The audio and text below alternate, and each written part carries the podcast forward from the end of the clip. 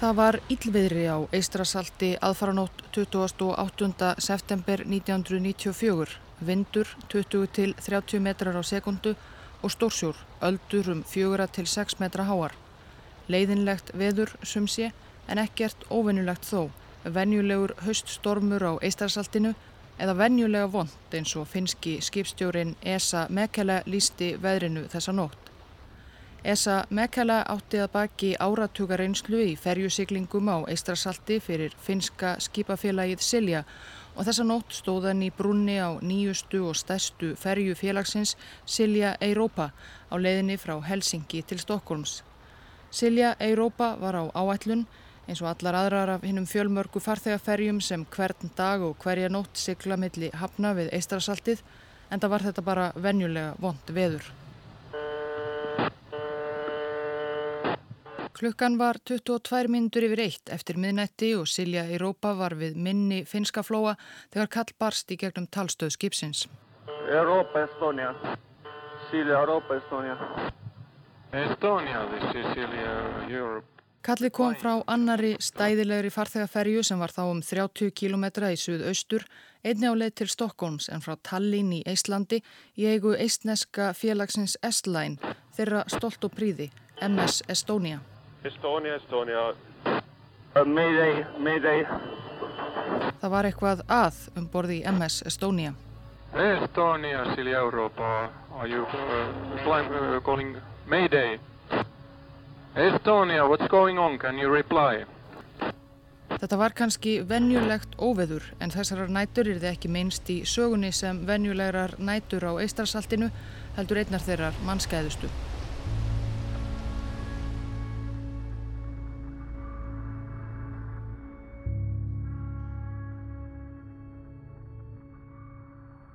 Skipið sem síðar fekk nafnið Estonia hóf æfi sína í skipasmíðastöði í neðra Saxlandi í Þýskalandi árið 1980 og fór þaðan í þjónustu eins af fjölmörgum ferjufélögum Eistrasaltsins, hins finska Viking Line og fekk nafnið Viking Sally. Eins og svo margar Eistrasaltsferjur var þetta bílferja eða nánar tiltekið svo kallað EQ eða Róró-skip þar sem bílum er ekið inn í gegnum stærðarinnar hlera í stefni skipsins og síðan aftur út um skutin. Hún var 155 metra laung, 2800 tonn og tók 2000 farþega á tæplega 500 bíla. Á nýju dekkjum voru meira en 1000 káetur fyrir farþega og flest annað sem hugurinn gatt gerinst á syklingu yfir Eistarsaltið, veitingastadir, verslanir, sundlaug, sána, bíó, spilavíti, barir og næturklúpar. Fyrstu árin sildi Viking Sally millir Turku í Finnlandi og Stokkólms. Eftir tíu ára af þeim siglingum egnaðist keppinauturinn Silja skipið sem fekk það nafnið Silja Star en sildi sömu leið. 1991 tók félagið Vasa Line við skipinu sem þá var kallað Vasa King og sildi frá Vasa í Finnlandi til Umeå og Sundsvall í Svíþjóð við góðan orðstýr. Loks í ársbyrjun 1993 egnaðist eistnest félag S-Line skipið. Það voru varla tvö ár síðan Ísland fekk sjálfstæði frá Sovjetríkunum og landið var rétt að koma undir sér fótunum. Skipið var það stærsta í eigu Íslandinga og ekki löstuði að þessi glæsilega ferja hafi blásið þjóðinni stolti í brjóst. Því hafið hæfi að nefna hana bara Estónia, Ísland.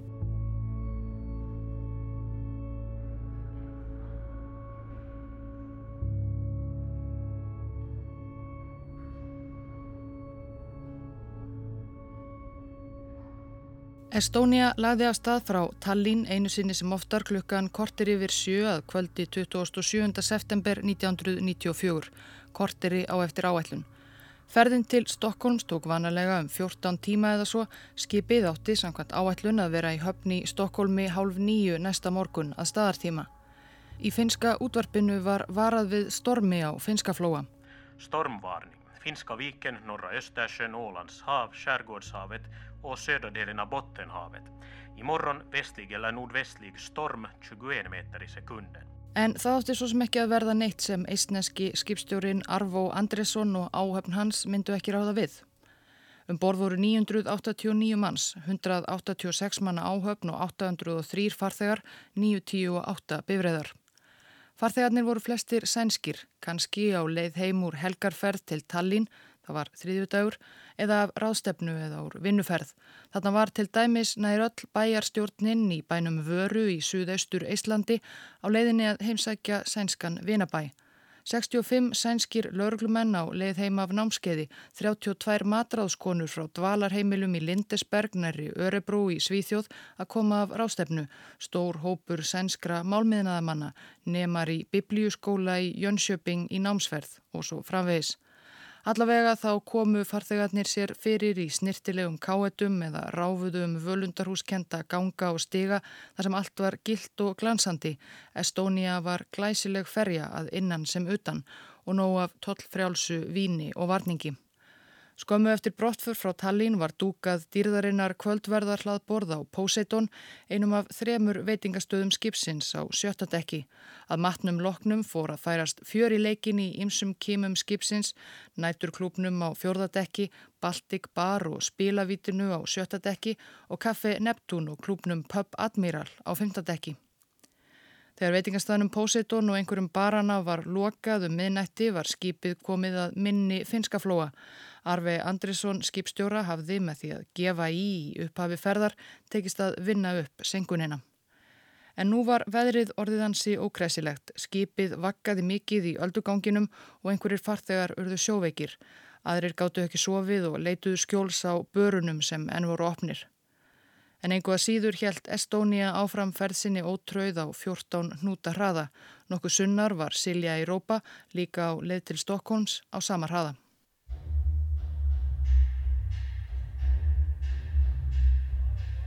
Á pub Admiral á 5. dekki var dundurstemming þó svo að af og til dittu glös af barborðinu og sumir ættu erfitt með að halda jafnvæginu. Um 50 manns sátu hlítu á karokikeppni og það var svo mikið fjör að stjórnandin lísti því yfir að þó að keppninni hefði þótt að ljúka eitt er þið haldið áfram eitthvað lengur.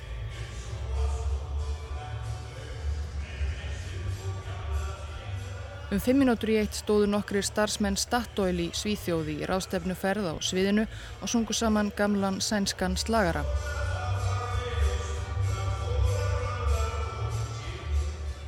Og einmitt þegar þeir voru að ljúka síðasta viðlæginu heyrðu þeir þungan ding.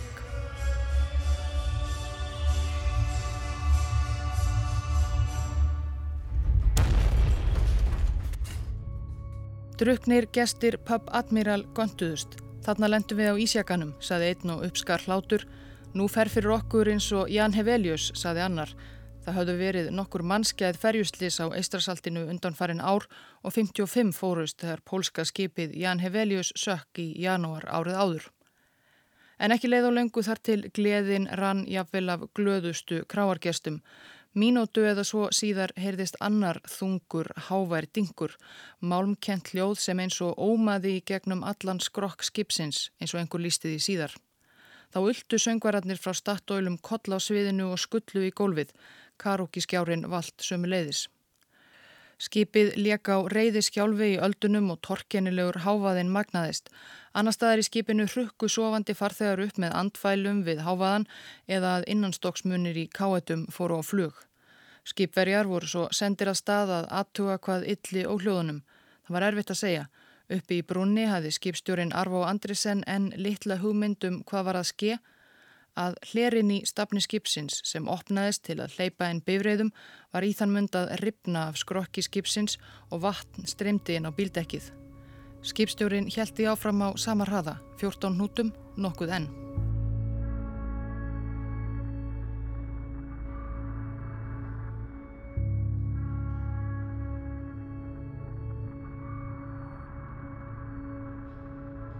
Klukkan var orðin 14 myndur yfir eitt þegar stefnislerin losnaði alveg af.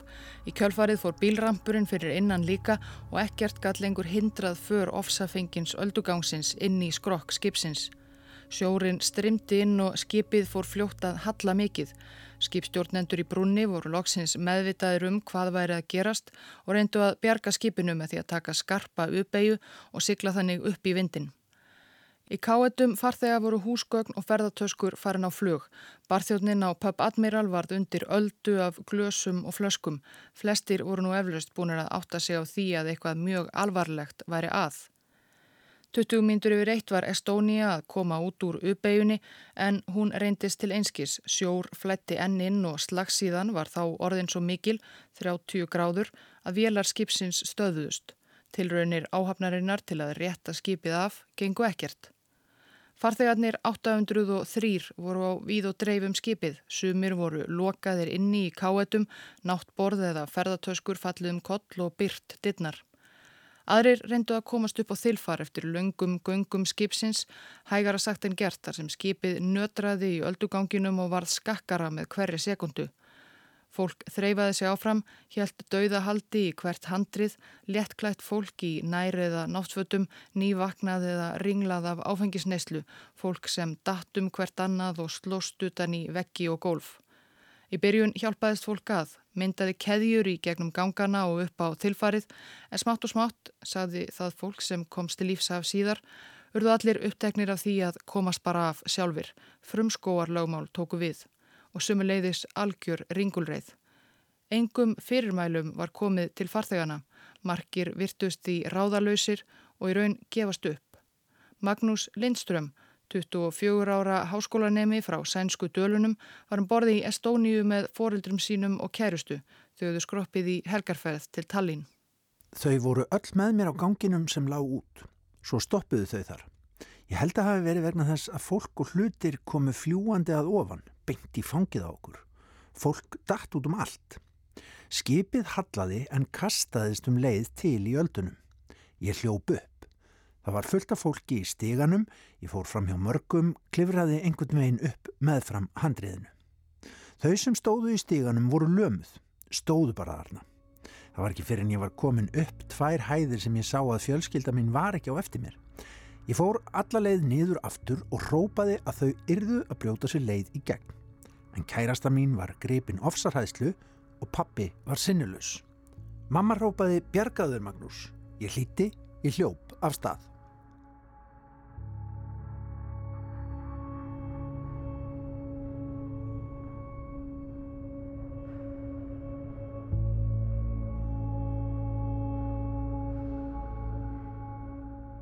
Um það byl þegar sloknaði á vélunum flutti kvenrött óljós viðvörunar orð á eistnesku í kallkerfi skipsins, varúð, varúð, en allir vissu þá þegar að eitthvað væri að og það var eiginlega allt á seint að gera nokkuð.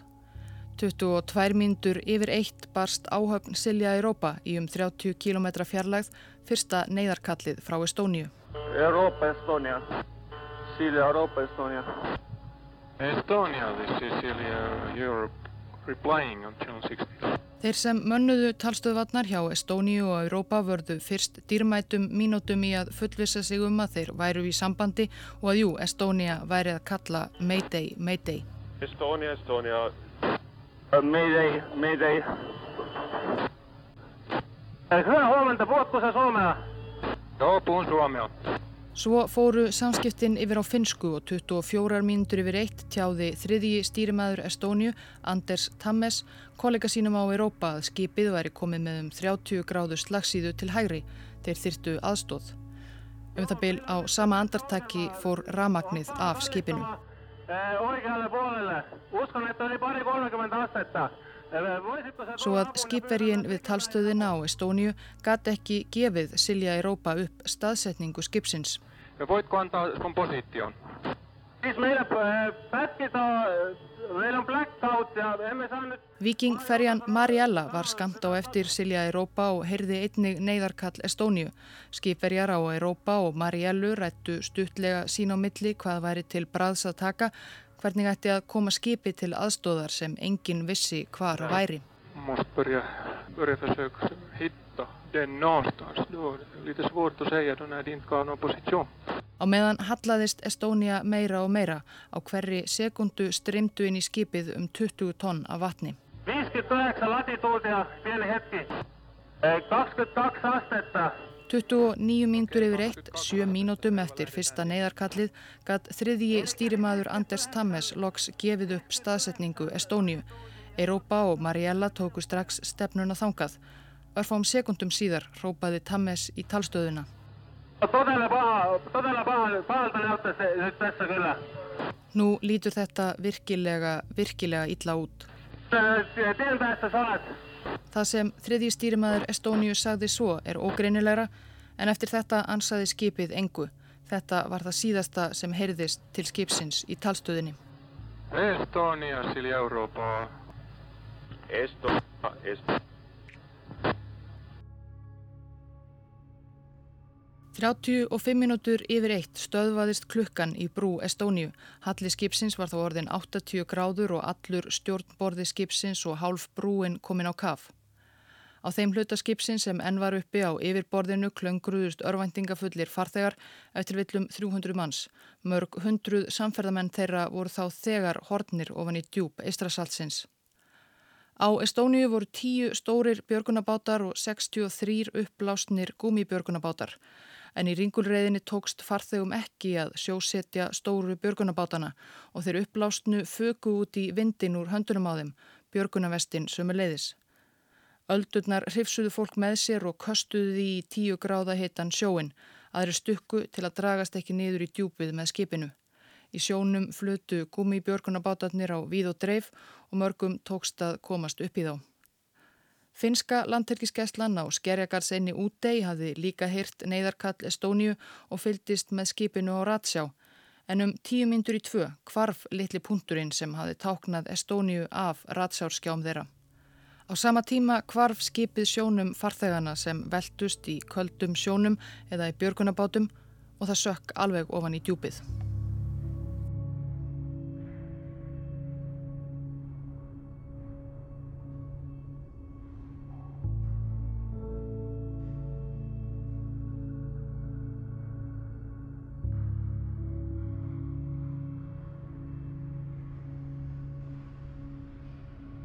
Pan, pan, pan, pan, all stations. Helsinki radio calling. Mayday from passenger ship Estonia. Echo, Sierra, Tango, Echo. Vikingferjan Mariella var fyrst á vettvangum 20 mínutum eftir að Estónia sökk alveg. Silja Europa kom á slýstað skömmu síðar. Einhver skipvergi á Mariellu lísti því síðar að þetta hafi litið út eins og jólatri á hafsfletinum, ótal blikkandi ljós og skerlitaðir björgunabátar og vesti í öldurótinu. Det är precis fullt med ljus. Det verkar precis som det en massa livbojar och uh, boys ljus här runt sig kring. Är i sjön. Og fólkið auðvitað. En Estónia sjálf næri 3000 tonna ferja á leið til Stokkólms með 989 manns innan borðs var hverki sjáanleg. Það rann upp fyrir áhöfnum Mariellu og Europa að á þessum tæpu 50 mínútum síðan neyðarkallið barst hafði Estónia sokkið. Mayday alla fartyg nära Estonia. Nej, ing- någon båt finns inte här. Vi ser ingenting av Estonia, bara sånt som är i sjön. Fleiri skip höfðu heyrt neyðarkallið og streymdu á vettvang, ferjur og flutningaskip. Skipstjóri Silja Europa, Esa Mekele, tókað sér stjórn björgunaraðgerða en það var í raun lítið sem skipin á vettvangi gáttu gert. Ílviðrið var slíkt að það var talið ógna skipverjum að reyna að koma fólkinu sem veltist í sjónum til bjargar. Skipin mynduðu eins konar ring í kringum slistað og lístu kösturum á fólkið í sjónum, fólk sem var þá unnvörpum að deyja úr kulda eða drukna. Fyrsta þyrla finsku landhelgiskeslunar kom á staðin 5 minútur yfir þrjú um 70 mínútum eftir að skipið sökk. Fleiri þyrlur og sérhæfð björgunarskip fyldu og björgunar aðgerðir hófust fyrir alvörum.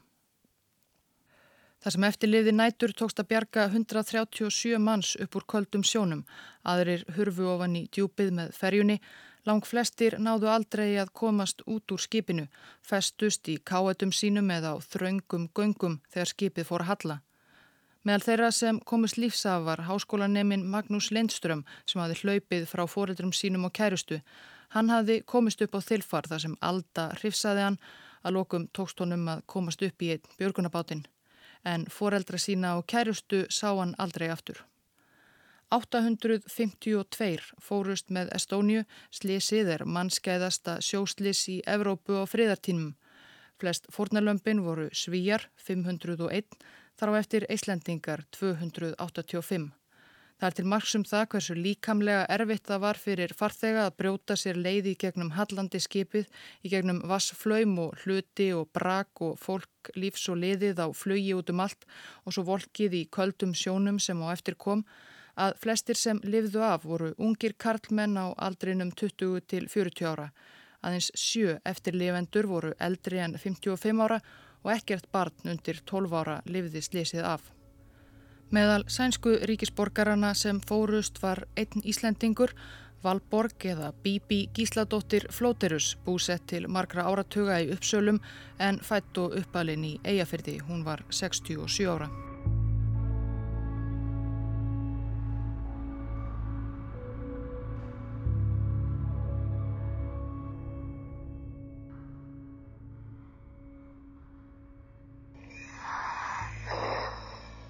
Vegna áframhaldandi íllviðris var flag Estóníu ekki staðsett nákvæmlega fyrir en tveimur dögum eftir slísið 30. september 1994 þar sem það lág á 85 metra dýpi. Meira en tveimur vikum síðar, um 2 kilometra til vesturs, fannst svo stefnislerin sem hafði losnað af og þannig að líkindum ráðið örlögum Estóníu. You're just in front of the E of the Estonia. Kavari fór í fyrsta sinn niður að flakinu í desember. Dögum saman flökkuðu kavarar um skipið til að taka myndir og reyna að koma staði nákvæmlega hvað orsakaði slísið. Þeir rákust á ótal lík í ymsum rýmum skipsins í káetum og á gungum. There's another body as you go straight through the doors, yeah? Oh, there's loads of them there, yeah? Okay, mate. Are you okay? Alls var 93 líkum bjargáður sjónum en hinn 759 var þá ennað finna í flakinu.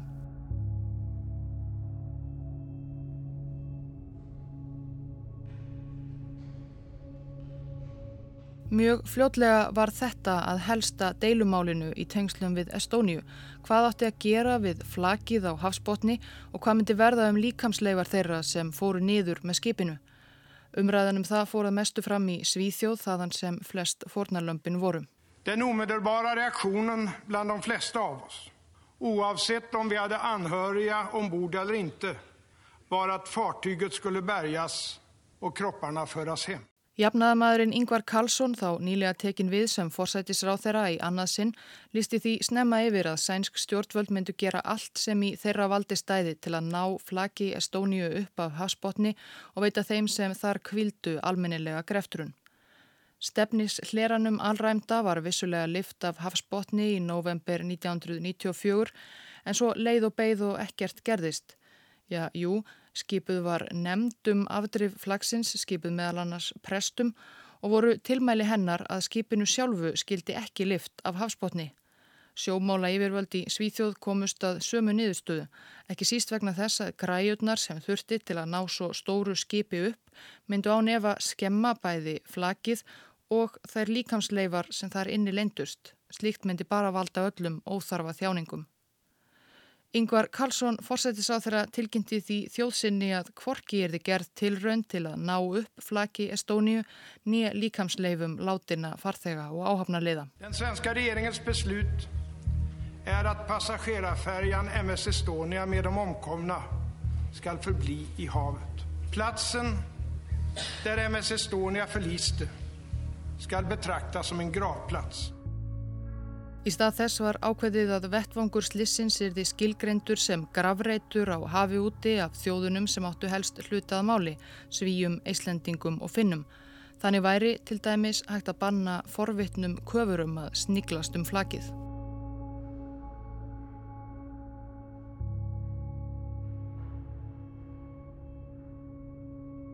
En þetta var ekki endirinn á deilunni um flag Estóniu sem varð langvinn og erfið.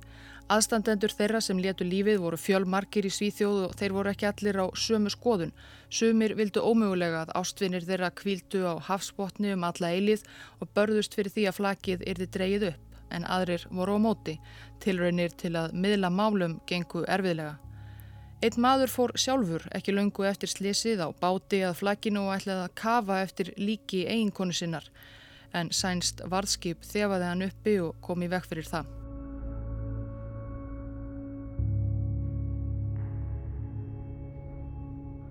Um tíma rættu sænsk stjórnvöldum að umleikja flakið í steinsteipu til að koma þannig algjörlega í vekk fyrir allan neðansjávar, túrisma og skemdarverk.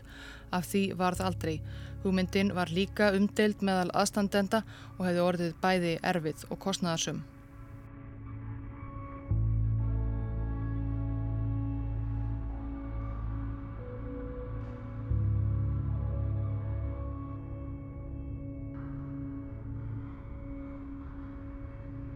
En þetta var ekki það eina sem talað var um í sambandi við Estóniu dagana, vikurnar og mánuðina eftir slísið. Slísið sem var eitt mannskæðasta sjóslís í evróskri sögu en hvað var það sem gerðist? Hvers vegna sökk Estónia? Rannsóknar nefndir sjóslísa í Svíþjóð, Íslandi og Finnlandi tóku höndum saman um rannsókn málsins sem var afar umfangsmikil eða eins og hægt var með sjálft skipsflakið enn á hafsbótni á 85 metra dýpi. Rannsakendur reytu sig á frásagnir eftirlifenda, tæknilegar upplýsingar sem skipið sendi frá sér áður en það sökk og myndskeið sem kavarar tóku af flakinu á hásbótni. Það að stefnislerin lág langt frá restinni af flakinu var nokkuð skýr vísbendingum hvað hefði komið fyrir. Loka skýrsla sænsku, finsku og eisnesku rannsóknarnemdarinnar kom út 1997 og er heil lung. Niðurstaða hennar var að læsingar og hjarir á stefnisleiranum hefði brostið þegar kröftugar öldur skullu beint á skipinu. Það voru dingirnir sem eftirlifendur myndust þess að hafa heyrt áður en skipið fór að hallast mikið, áður en sjórin fór að streyma inn og áður en allt fór á kaf. Hlerin hafði að mati nefndarinnar einfallega verið ítla hannaður, ekki nógu sterkur til að þóla álægið. Samkvæmt rannsóknarnemdini hafði Estónia aðeins einu sinni eða tvísvar áður lendi viðlíka veðri og ölduróti og þessa nótt þar sem skipið hafði lengst af siltum rólegri siglingaleiðir. Veikleikinn í stefnisleranum kom því ekki í ljós fyrir en það var um seinan. Þá hafði áhöfnin að líkindum ekki áttað sig á alvarleika málsins og til að mynda ekki hægt á skipinu í tæka tíð. Í skýslunni er farið yfir að á undanförnum árum hefði fjöldi annara bílferja lendi vandræðum vegna stefnislera sinna en ekki hafi verið gripið til neitna samræmdra aðgerða vegna þess og ferjustjórar á eistrasalti voru, segir í skýslunni, almennt ekki sérlega meðvitaðir um vandamálinn sem þessir hlerar gáttu skapað. Sisturskip Estóníu byggt á svipuðum tíma í skipasmíðastöðinni í neðra Sakslandi, Díana 2, var í janúar 1993 einu og hálfu ári fyrir Estóniuslísið á sinni reglubundnu siglingu frá Róstokk í Þýskalandi til Trelleborg á Skáni í talsverðu Ílviðri þegar skipverjar heyrðu háan ding frá bíldekkinu og vatn byrjiði að leka inn um stefnisleran og inn á dekkið. Díana 2 komst klakklaust til Trelleborgar þar sem í ljós komu alvarlegar skemdir á læsingum og hjörum á stefnisleranum. Skemdirnar voru lagaðar en svo virðist ekki vera sem eigendum eða áhöfn sísturskipsins Estóniu hafi verið gert viðvart, sísturskipsins sem var með nákvæmlega eins stefnisleira. Þá er sagt að örfáum dögum fyrir slísið hafi sænskir ferjusérfræðingar sem þá voru í Íslandi að þjálfa eisneska skipaeftilitsmenn litið á Estóniu og einmitt haft orð á því að pakningarnar á stefnisleiranum væru orðnar nokkuð slappar, mætti fara að skipta um en við þeim tilmælum var ekki orðið. Að minnstakosti hafði ekki unnist tími til þess fram að aðfara nótt 28. september 1994 þegar Estónia sökk í sæ og með henni 852 manneskjur. En var þá öll sagan sögð?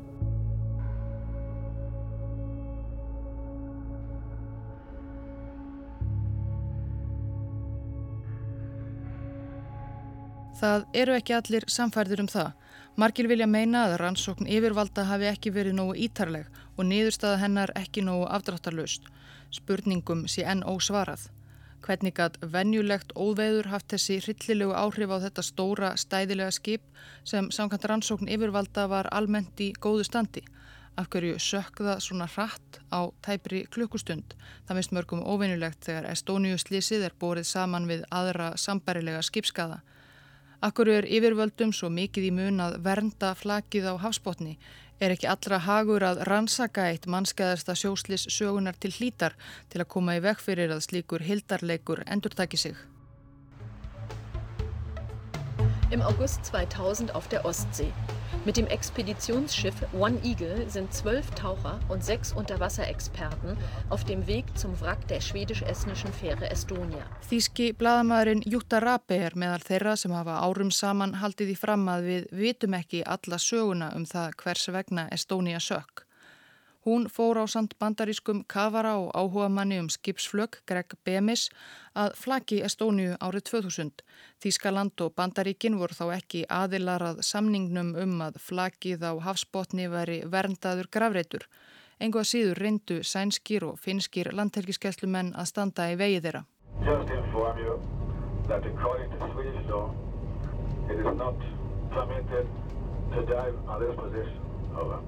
Just Kavarar á vegum Rabi fóru þó að flagginu og tóku þar myndir af því sem hún vil meina að sé grunnsamlegt stort gat á skrokki skipsins sem ekkert hafi verið minnst á í skýrslu hins ofinbera.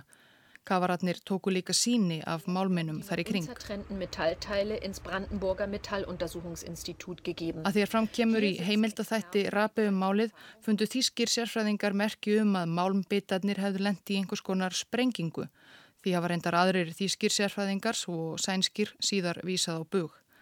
En kenningrapi er að sprengju eða sprengjum hafi verið komið fyrir um borði í Estóniu, ekki endilega til að granda öllu skipinu, kannski til að eidilegja einhvern farm eða skjóta áhöfn eða eigendum skipsins skelk í bringum.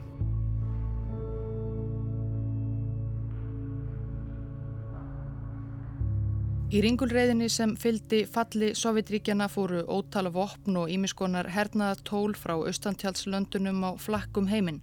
Sagt er að eitthvað af góssinu hafi ratað í hendur stjórnvalda á Vesturlöndum sem hafi skiljanlega haft mikinn áhuga því að komast yfir alls konar tækni sem áður var leinileg og sagt er að Svíþjóð meðal annara hafi haft milligöngu um að komast líkum varningi lengra vestur leinilega.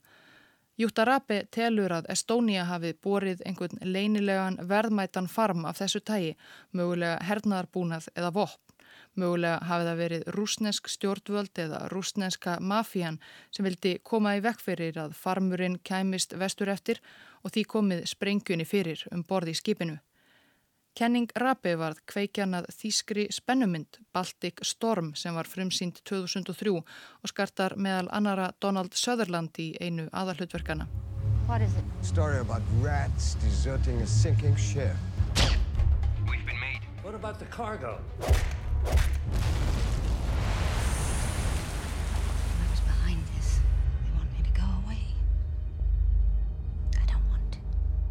Svo mynd hlaut reyndar ekki sérlega góða dóma og kenning Rabe er ekki síður umdelt. Í alvörunni sagleysislegt farþegarskip notað til að smikla herrtólum.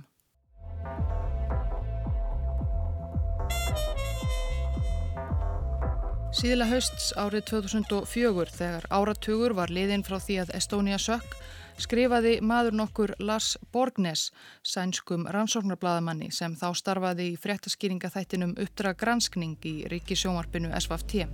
Den 15 september i år fick jag ett mejl från en man som sa sig ha något att berätta. Brevritarinn var Lennart Henriksson, nýlega farin á eftirlaun, áður starfsmæður tollstjóra í Svíþjóð. Hann skrifaði að fyrir þáttur uppdraggranskning um Estóniuslýsið sem hafi verið á dagskrá nokkrum dögum áður hefði hreift við honum och nu vildi han lätta av samvisku sinni. Ja, någon gång i mitten på september blev jag uppkallad till min närmsta chef och han sa att vi ska upp till tulldirektören på ett möte. Då berättade han att med Estonia så kommer en bil med så sa han bilnummer och den ska inte visiteras. Henriksson tjáði í kjölfarið bladamanni að um miðjan september 1994 hefði hann fengið fyrirmæli frá yfirbóðara sínum hjá tollinum að kanna ekki farm ákveðinar bifreiðar sem væri á leiðinni til landsins með farþegaferjunni Estóniu. Ja, det är order fick jag till svaret till tulldirektören. Ja, från vem då? Ja, från högsta ort. Ja, vad då högsta ort? Ja, så högt upp man kan komma, svarade han. Þetta væri skipun, saði yfirmaðurinn, frá aðstu stöðum eins hátt og hægt væri að komast.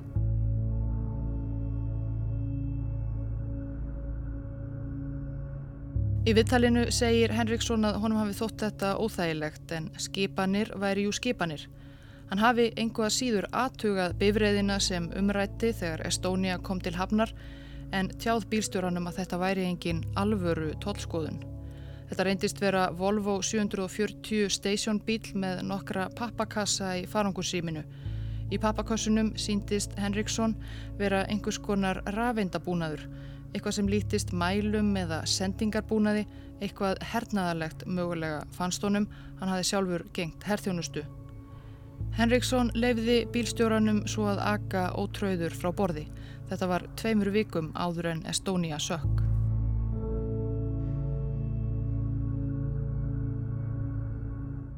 Þáttur uppdraggranskning og viðtalið við toll eftirlitsmannin fyrirverandi Lennart Henriksson vakti mikla aðtegli. Ekki löngu síðar viðurkendu sænsk tollleifir völda samið hefði verið um að ferja ymsan hernaðartengdan rafendabúnað frá Íslandi til Svíþjóðar með Estóniu. Þetta hefði verið gert tvísvar í septembermánuði en ekkert slíkt hafi þó verið um borði í Estóniu nóttina örlagaríku sem hún sökk. Mikið meira var svo ekki sagt um það.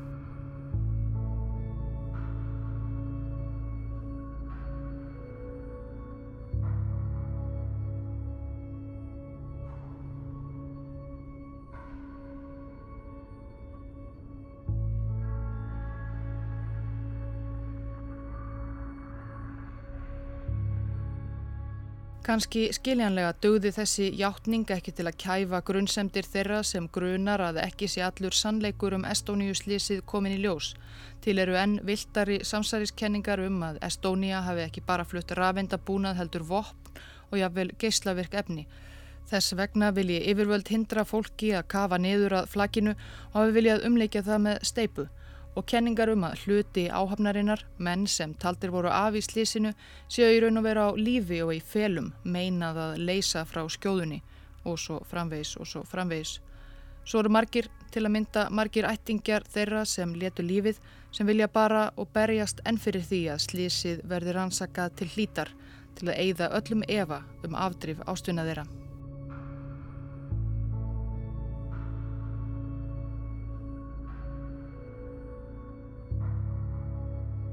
Sama hvaða trúnað maður leggur á samsæriskenningar er þó óumdeinanlegt að það er margt sem við vitum ekki um Estóniuslísið og fáum aldrei að vita.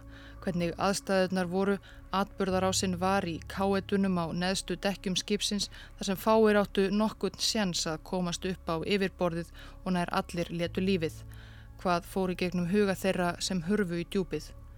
Við vitum það ekki en við vitum að 852 fórust með farþegaferjunni Estóniu á Eistrasalti aðfara nátt 28. september 1994. Skipstjórin stór hluti áhafnarinnar fjölskylda Magnúsar Lindström sem hljóp einn upp á þilfar. Flestir hinna karókiglöðu starfsmanna Statoil, allar matráðskonurnar frá Lindesberg í Örebrú og allir nefendurnir í biblíuskólanum í Jönköping. Allir lauruglumennir 65 utan einn sem komst út og hjekk í 6 tíma utan í öfugum björgunarbát þar til honum var bjargað með þyrlu og öll börn um borð undir 12 ára aldri.